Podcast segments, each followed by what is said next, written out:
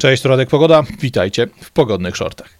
Gdy rozmawiam z ludźmi o polityce, to bardzo często trafiam na takie trzy typowe podejścia. Pierwszym z nich jest podejście typu: A, ja się nie interesuję polityką, mam ważniejsze sprawy na głowie, mam swój biznes, swoją pracę, swój dom, swoje dzieci, swoje zainteresowania.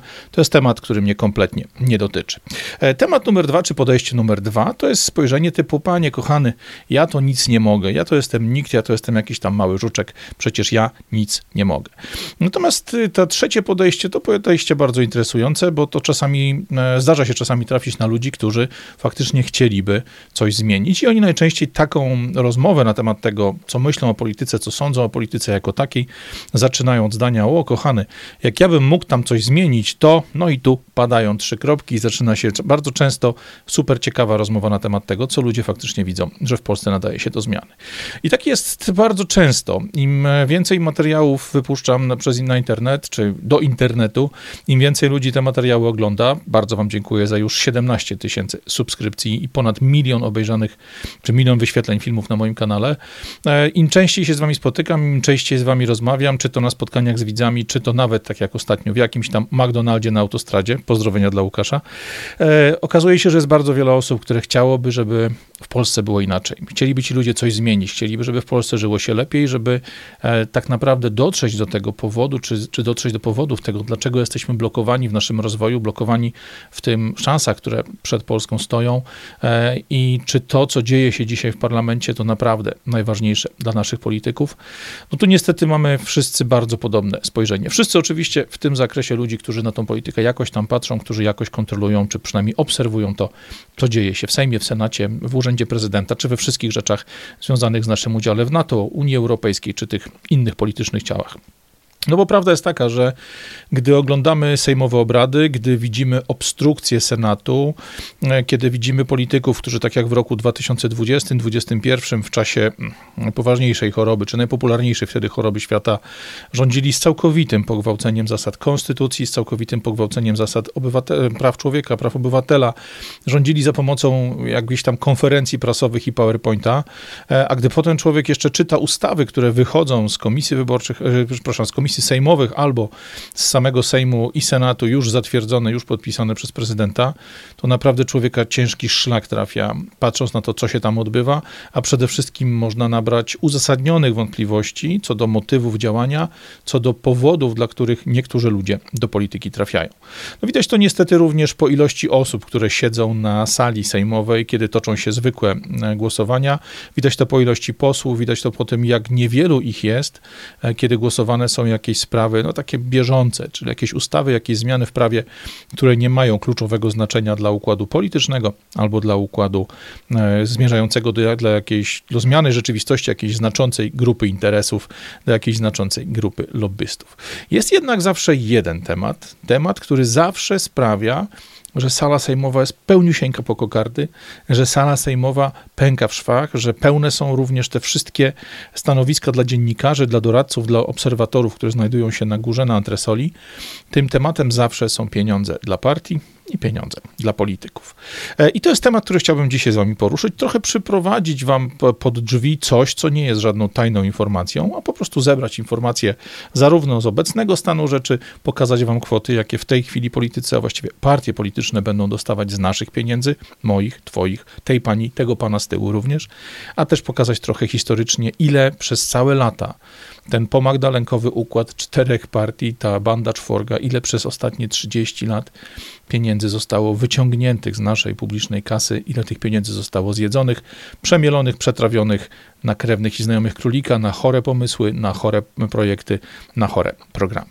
Zacznijmy jednak od konkretów, tak jak ja lubię. Zacznijmy od tego, na jakiej podstawie i w jaki sposób partie otrzymują publiczne pieniądze. Pieniądze nasze, moje, twoje, tak, tego pana z tyłu i tej pani również.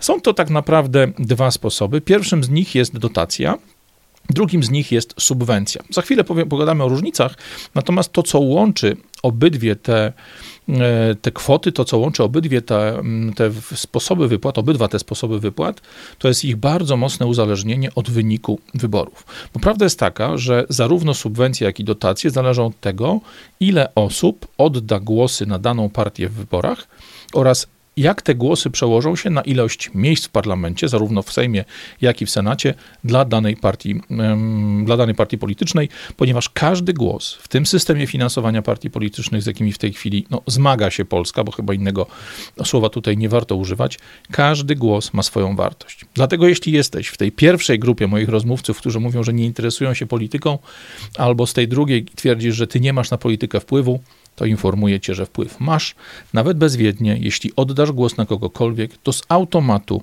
dodajesz mu pieniądze do budżetu jego partii. Ale o tym za chwilę.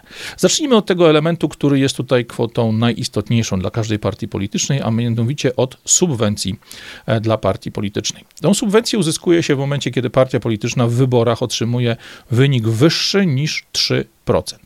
Jeżeli idzie sama do wyborów, to właśnie te 3% są progiem wyborczym. Jeżeli idzie, czy no właśnie nie tyle progiem wyborczym, a progiem finansowania subwencją dla partii politycznych. Natomiast jeśli partie idą w koalicji, tak jak w tej chwili na przykład Trzecia Droga, która była zlepkiem PSL-u i Partii Hołowni, czyli Partii Polska 2050, to ten próg wynosi 6%. I teraz jeśli spojrzymy sobie na wycenę tych progów, ja nie ukrywam, że żeby w miarę sprawnie ten materiał przygotować, udało mi się dotrzeć tylko do danych starszych z roku 2017, więc jeśli jest coś nowszego, wybaczcie, nie miałem na to po prostu czasu, a chciałem wam te informacje jakoś tam sprawnie dostarczyć. Nie bójcie się, podsumowania aktualnych wyborów są po aktualnych stawkach. Natomiast w roku 2017 za każdy głos uzyskany przez partię w wyborach Skarb Państwa do kasy partii politycznej wypłacał bardzo konkretne pieniądze za każdy jeden głos w tych wyborach na daną partię złożony. I tu funkcjonowała taka zasada, że im partia miała więcej głosów, tym ta kwota za pojedynczy głos była mniejsza, tak aby pomagać w jakiś tam sposób partiom mniejszym, aby za mniejszą ilość uzyskanych głosów, za mniejszą ilość oddanych głosów, taka partia mniejsza, partia mała lub średnia mogła dostać trochę większe kwoty. Jak to wyglądało w przełożeniu na konkretne złotówki? Jeżeli partia zyskiwała między 3 a 5% głosów, za każdy jeden głos złożony przez wyborcę na nią, na jej, na jej przedstawicieli, czy do Sejmu, czy do Senatu, uzyskiwała 5 zł i 77 groszy. Za każdy jeden głos. Jeżeli miała wynik między 5 a 10%, to ta kwota spadała do 4 zł 61 groszy, między 10 a 20% kwota spadała do 4,04, między 20 a 30% mieliśmy znaczący spadek, znaczący skok w dół, bo mamy tutaj 2,31 zamiast 4 zł za każdy oddany głos, a jeśli partia przekraczała 30%, no mówimy oczywiście o tych największych, takich jak PiS i PO, czy tam w aktualnych wyborach Koalicja Obywatelska, to za każdy głos złożony, za każdy głos oddany na, na partię, na kandydata tej partii w wyborach do Sejmu i Senatu, Skarb Państwa wypłaca do partii 87 groszy. Wydaje się, że to kwoty nieduże, natomiast jeśli popatrzymy sobie na frekwencję, jeśli popatrzymy sobie na to, ile osób głosuje na każdą z tych partii w każdych wyborach co 4 lata, naprawdę robi się z tego spora kwota. E, jakie są to wartości? Tak naprawdę w latach 2005-2017, no bo takie dane znowu udało mi się ładnie pozbierane zdobyć. W latach 2005-2017 w sumie Skarb Państwa wypłacał subwencje do 17 partii. Łącznie uzbierało się tylko prawie miliard złotych. 931 milionów. Jeśli pamiętacie naszą ostatnią rozmowę na temat tego, ile kosztują nas certyfikaty CO2 wypłacane przez nasze elektrownie, to pamiętacie pewnie przelicznik na samochody pancerne czy autobusy 931 milionów złotych. To jest mniej więcej tyle, ile trzeba dać za 1000 autobusów z silnikiem diesla albo za około 900 autobusów z silnikiem na gaz ziemny. Niemała kwota. Kwota, która idzie zamiast na autobusy, to idzie na jakieś kosmiczne pomysły, projekty i szaleństwa krewnych i znajomych królika. Jak się te kwoty rozkładają po poszczególnych partiach? No właśnie przez tych lata 2005-2017 sam PiS otrzymał od Skarbu Państwa 274 miliony złotych. PO było niewiele gorsze, bo otrzymało 270 milionów, SLD trzymające zaszczytne trzecie miejsce tych pieniędzy otrzymało 126 milionów, a PSL prawie 100 milionów złotych. Macie te dane szczegółowe w tabelce. Oczywiście tych partii jest tam znacznie więcej, natomiast ja skupiam się na tych czterech, które nie tylko są największe jakby historycznie, na tej prawdziwej, oryginalnej bandzie czworga z Magdalenki, ale skupiam się też na tych partiach, które zbierają zawsze przy wyborach różnego rodzaju drobnice, zbierają plankton i bardzo często idą jakimś większym zespołem. Natomiast co jest ważne, nawet jeśli partia nie uzyska tego progu wyborczego 5% oddanych na nią głosów, to oczywiście nie wchodzi do Sejmu, nie, jej przedstawiciele nie wchodzą do parlamentu, nie otrzymują mandatów poselskich, natomiast jeżeli taka partia przekroczy 3% oddanych głosów, to ma uprawnienia do otrzymania subwencji. I w taki oto sposób mamy sytuację, w której w ostatnich latach e, takie subwencje dostawały różne partie, między innymi dostawała ją partia Korwin w latach 2005-2017 dostała 4 miliony 200 tysięcy złotych co roku. To, to samo dotyczyło partii Razem, która mimo tego, że nie osiągnęła progu, to dostawała 3,1 miliona właśnie w formie e, subwencji partyjnej, w formie subwencji wypłacanej przez Skarb Państwa. I teraz, co jest bardzo, bardzo ważne, to wszystkie te zapisy, wszystkie te przepisy związane z finansowaniem partii politycznych dotyczą wyłącznie stricte partii politycznych. Mieliśmy w historii takie ruchy, które partią nie były, były to zwykle ruchy antysystemowe, co do których losu późniejszego już powiedzmy, że spuśćmy litościwą zasłonę milczenia. Oczywiście takim sztandarowym pomysłem był Komitet Wyborczy Wyborców Kukiz 15. Komitet ten startował do wyborów nie jako partia, ale właśnie jako Komitet Wyborczy Wyborców, bo jest też taka forma w naszych, w naszych przepisach, jest taka forma w systemie prawnym polskim. E, I podobnie na przykład w tych wyborach w 2023 roku, 15 października, można było oddać głos również na Komitet Wyborczy Wyborców, akurat tutaj na ruch dobrobytu i pokoju. Bardzo ciekawy ruch e, pozasystemowy, e, który niestety nie przebił się. Natomiast, żebyście mieli świadomość Państwo, jaka jest różnica między tym, czy jesteś partią, czy jesteś Komitetem Wyborczym Wyborców, jeżeli taki choćby Kukiz 15 startował do wyborów nie jako partia, a jako właśnie KWW, to nie dostawał subwencji. A gdyby wystartował jako partia, gdyby faktycznie wybrał inną drogę, to za milion trzysta tysięcy głosów, które zostały oddane na tą ekipę, zostały oddane na ten projekt, Kukiz 15 co roku dostawałby 7 milionów złotych. Tym bardziej więc uważam, że jeśli ktoś do wyborów idzie właśnie jako komitet wyborczy wyborców, to zasługuje na większą uwagę, na większe zainteresowanie, e, bo po pierwsze pokazuje to jasno, że ci ludzie nie do końca chcą funkcjonować w systemie partyjnym, tak jak były hasła na sztandarach, na sztandarach Kukiza.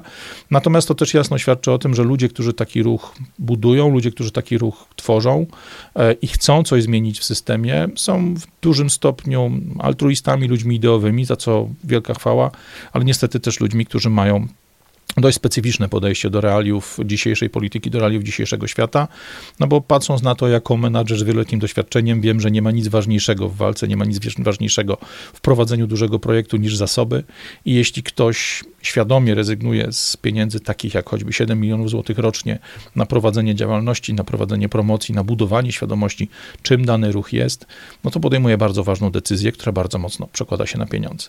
Jak gdybym dzisiaj miał budować jakiś ruch, jakieś działanie, które mogłoby doprowadzić do wejścia moich ludzi, czy mojej ekipy, czy ekipy, którą wspieram, do parlamentu, myślę, że jednak mimo wszystko sięgnąłbym po te przepisy, które przysługują partiom, po prostu po to, żeby skuteczniej walczyć z bandytami z bandy czworga i wejść do systemu, wykorzystując te możliwości, które system daje. Nie jest to idealne, ale cóż zrobić. Natomiast oprócz subwencji partie otrzymują jeszcze coś takiego, co nazywa się dotacją podmiotową. Dotację podmiotową partia otrzymuje za każdego posła czy senatora wprowadzonego do parlamentu, za każdy zdobyty w wyborach mandat. Tą no, kwotę otrzymuje się jeden raz, zaraz po wyborach, jako takie jednorazowe wynagrodzenie czy jednorazowe rozliczenie kosztów związanych z kampanią wyborczą, ponieważ wartość tej, czy wysokość tej dotacji podmiotowej zależy od dwóch elementów. Od tego, ilu ludzi, ilu parlamentarzystów wprowadzi się do Sejmu lub Senatu w trakcie procesu wyborczego oraz od tego, jakie wydatki na kampanię zostały przez daną partię poniesione. No i tu oczywiście partia musi złożyć sprawozdanie finansowe. Państwowa Komisja Wyborcza na to sprawozdanie finansowe bardzo mocno spogląda, patrzy sobie grzecznie na to, jakie wydatki zostały poniesione, sprawdza, czy te wydatki są zasadne, czy są zgodne z przepisami, jeśli chodzi właśnie o postępowanie e, w danym procesie wyborczym i w tym momencie partia otrzymuje dodatkowe pieniądze, jeden raz, jednorazowe dodatkowe pieniądze. Jakie są to kwoty? No w latach 2005-2017 łączna kwota wypłaconych partiom dotacji podmiotowych sięgnęła ponad 330 milionów złotych. Rekordzistą znowu był PiS i PO. PiS zgarnął 124 miliony, PO 121 milionów złotych. Kolejny na liście PS, SLD, przepraszam, tych pieniędzy otrzymało 27 milionów, a PSL 22 miliony. I tu jest ciekawostka, bo na przykład z którego przed chwilą braliśmy jako przykład partii, która nie otrzymała, czy tam inaczej, ekipy, która nie otrzymała subwencji, bo nie była partią, to za wprowadzenie posła, grupy posłów do Sejmu, Kukiz 15 otrzymał dotację podmiotową w wysokości 2 milionów 900 tysięcy złotych, czyli prawie 3 milionów w roku 2016, bo przez to, że tych posłów prowadził, wydatki na kampanię i sam fakt prowadzenia sprawiły, że do takiej dotacji podmiotowej był uprawniony. Co jest tu bardzo istotne, dotacja podmiotowa dotyczy również posłów, którzy są wprowadzani do Europarlamentu i w tych latach 2005-2017 łącznie za wprowadzenie posłów do Europarlamentu wszystkie partie otrzymały około 7 milionów złotych. Tyle historii. To spojrzenie na lata 2005-2017 jest nieprzypadkowe, bo pokazuje dość ciekawy wycinek czasu. Mamy w tym okresie bowiem zarówno rządy pierwszego PiSu, czy właściwie wcześniejsze jeszcze rządy e, lewej strony sceny politycznej, później rządy pierwszego PiSu, cały okres e, PO i PSL, a oraz również kawałeczek rządów PiSu po zwycięstwie wyborczym w roku 2015. Natomiast pamiętać musimy o tym, że ustawa o finansowaniu partii politycznych obowiązuje nieprzerwanie od roku 1997. Ona już trwa ćwierć wieku, 25 lat. I tak naprawdę e, kwoty, które z tego tytułu partie otrzymywały od roku 97 były tak skandalicznie wysokie, że w roku 2010 Sejm zdecydował o tym, żeby te kwoty obniżyć o połowę. Jak się to przekłada na wartości, które co roku wypłacamy właśnie wszystkim partiom politycznym? Jak to wygląda, jeśli chodzi o kwoty subwencji? Łączne kwoty samych subwencji w czterech latach kolejnych wyborów, pamiętajcie, że wybory są rozsunięte o 4 lata, cały czas rosną. W roku 2011 było to łącznie 54 miliony wypłacone wszystkim partiom politycznym, które dostały się do parlamentu, które przekroczyły ten próg 3% uzyskanych głosów uprawniających je do otrzymania E, subwencji. W roku 2011 właśnie było to 54 miliony, w 15 58, w roku 19 71, tam niespełna 71 milionów złotych, a teraz po 15 marca 2023 roku kwota ta to rekordowe 84 miliony złotych. Oczywiście znowu pamiętajmy, że to nie są wszystkie pieniądze, jakie otrzymują partie, bo jeśli popatrzymy sobie dodatkowo na tą dotację podmiotową, to za same zdobyte mandaty par parlamentarne PiS w 2019 roku otrzymał dodatkowo 30 milionów, a PO 25,5 miliona złotych. Te kwoty są absolutnie szalone. A jak wypadły te najlepsze wybory, najlepsze w historii, przynajmniej z punktu widzenia budżetów partii politycznych, te, które odbyły się 15 października, równo miesiąc temu, tak naprawdę były dla nich najlepsze w historii. W tych wyborach PiS zdobył 26 milionów subwencji, PO niewiele mniej, bo 25 milionów. Trzecia droga zdobyła tych pieniędzy 15 milionów i tu największym zwycięzcą oczywiście jest e, Hołownia i Polska 2050, bo jest to partia, która wcześniej nie miała żadnych pieniędzy z budżetu państwa, a w tej chwili na mocy umowy koalicyjnej z PSL-em będą mogli dzielić się, czy tam będą dzielili się pieniędzmi po połowie. Efekt jest więc taki, że Polska 2050 i Hołownia jako szef partii otrzyma 7,5 miliona złotych z budżetu co roku na to, żeby swoją działalność prowadzić, żeby swoją działalność promować i rozwijać. Lewica otrzyma 10 milionów, Konfederacja ponad 8 milionów złotych. Jak to wygląda od strony przychodowej, mniej więcej widzimy. Za chwilę przed nami wybory samorządowe, gdzie e, oprócz tych oficjalnych pieniędzy otwiera się dojście do spółek miejskich, do spółek samorządowych, wojewódzkich na poziomie całej administracji od góry do dołu. Za chwilę otwierają się również drzwi do Parlamentu Europejskiego, bo już na przełomie e, czerwca czy tam w czerwcu będziemy mieli wybory do Parlamentu Europejskiego, więc ten strumień pieniędzy dla partii politycznych na pewno będzie płynął. Natomiast wybory oznaczają również, że pieniądze trzeba wydawać. No i oczywiście tutaj partie polityczne wydają te pieniądze na bardzo wiele elementów, które są no, dość istotne z ich punktu widzenia właśnie w związku z kampanią, w związku z tworzeniem pewnego programu, przekazu, z zatrudnianiem fachowców od wizerunku, spin doktorów, najróżniejszych agencji PR-owych, agencji, które zajmują się monitoringiem mediów, zbierają informacje na temat tego, jak idzie danej partii, prowadzą badania rynkowe itd., tak itd. Natomiast te wydatki partii politycznych z tych wszystkich pieniędzy, z tych ponad powiedzmy 80 milionów złotych, które wydamy, wydamy, czy właściwie damy im, podarujemy im w tym roku za skutecznie przeprowadzone wybory, na liście wydatków znajdują się bardzo interesujące kwoty. I tu ciekawe są takie, które przede wszystkim interesują nas, zwykłych ludzi, bo one budzą, budzą pewnego rodzaju zdziwienie i wzniesienie brwi. Oczywiście tu absolutnym hitem jest y, temat, który wypłynął już chwilę temu, ile PiS Płaci za ochronę samego prezesa Kaczyńskiego. W roku 2019 PiS pokazał, że sama ochrona prezesa to milion sto tysięcy złotych. My mamy informację, że około 2 milionów rocznie w tej chwili PiS płaci grupie GROM, czy inaczej, firmie o nazwie GROM za ochronę prezesa. Równie interesujące są wydatki PO, gdzie zaraportowano około 100 tysięcy złotych na wina i cygara. Natomiast mamy tam oczywiście na tej liście kwoty związane z jakimiś wyjazdami służbowymi, z organizacją imprez i wiele, wiele innych ciekawych rzeczy, co widzicie na tej grafice. Natomiast to, co najśmieszniejsze, to źródło grafiki, którą w tej chwili wam pokazuję. No, trzeba przyznać, że pochodzi ona z tego źródła dość niespodziewanego, a bowiem jest nim strona internetowa Jacka Kurskiego. Osoby znanej z tego, że jest bezstronną i kryształowo czystą personą, nie politykiem bynajmniej, osobą, która się bardzo sprawnie schowała za granicą, poza Polską na długo przed wyborczą porażką ludzi, którzy na te stanowiska, na te wysokości ją wyciągnęli, czyli po prostu przed wyborczą porażką PiSu. I teraz co jest jeszcze w ostatnim, co jest jeszcze istotne, mimo tego, że mamy właśnie takie pozycje w budżecie, jak wydatki na ochronę prezesa, jak wydatki na wino i cygara, czy parę innych interesujących elementów, może się okazać, że partia nie otrzyma pieniędzy od państwa, no bo kwestia jest taka, że w rękach Państwowej Komisji Wyborczej leży decyzja o tym, czy zaakceptować sprawozdanie finansowe danej partii w ramach wydatków, które poniosła w okresie, który idzie do rozliczenia. Takie problemy miała na przykład Konfederacja za nieprawidłowe wywieszenie banera. E, tak naprawdę cała sprawa dotyczyła jakiegoś tam mówię, sytuacji zupełnie drobnej i w, w skali całych wyników wyborów i tych ilości wyborczych nieprawidłowości absolutnie jakby pomijalnej.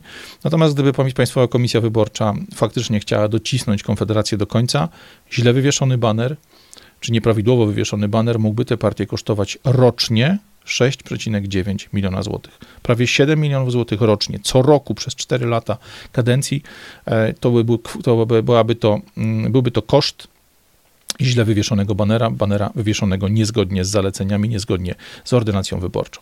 Na szczęście tego typu problemy raczej już nie będą się zdarzać, bo Sejm, który właśnie zakończył swoją pracę teraz przed 13 listopada, Sejm ten zadbał o to, żeby partie nie miały takich problemów w przyszłości. Zadbał o to, ustalając zmiany w prawie i wprowadzając instytucję tak zwanego marginesu błędu w sprawozdaniach finansowych partii politycznych.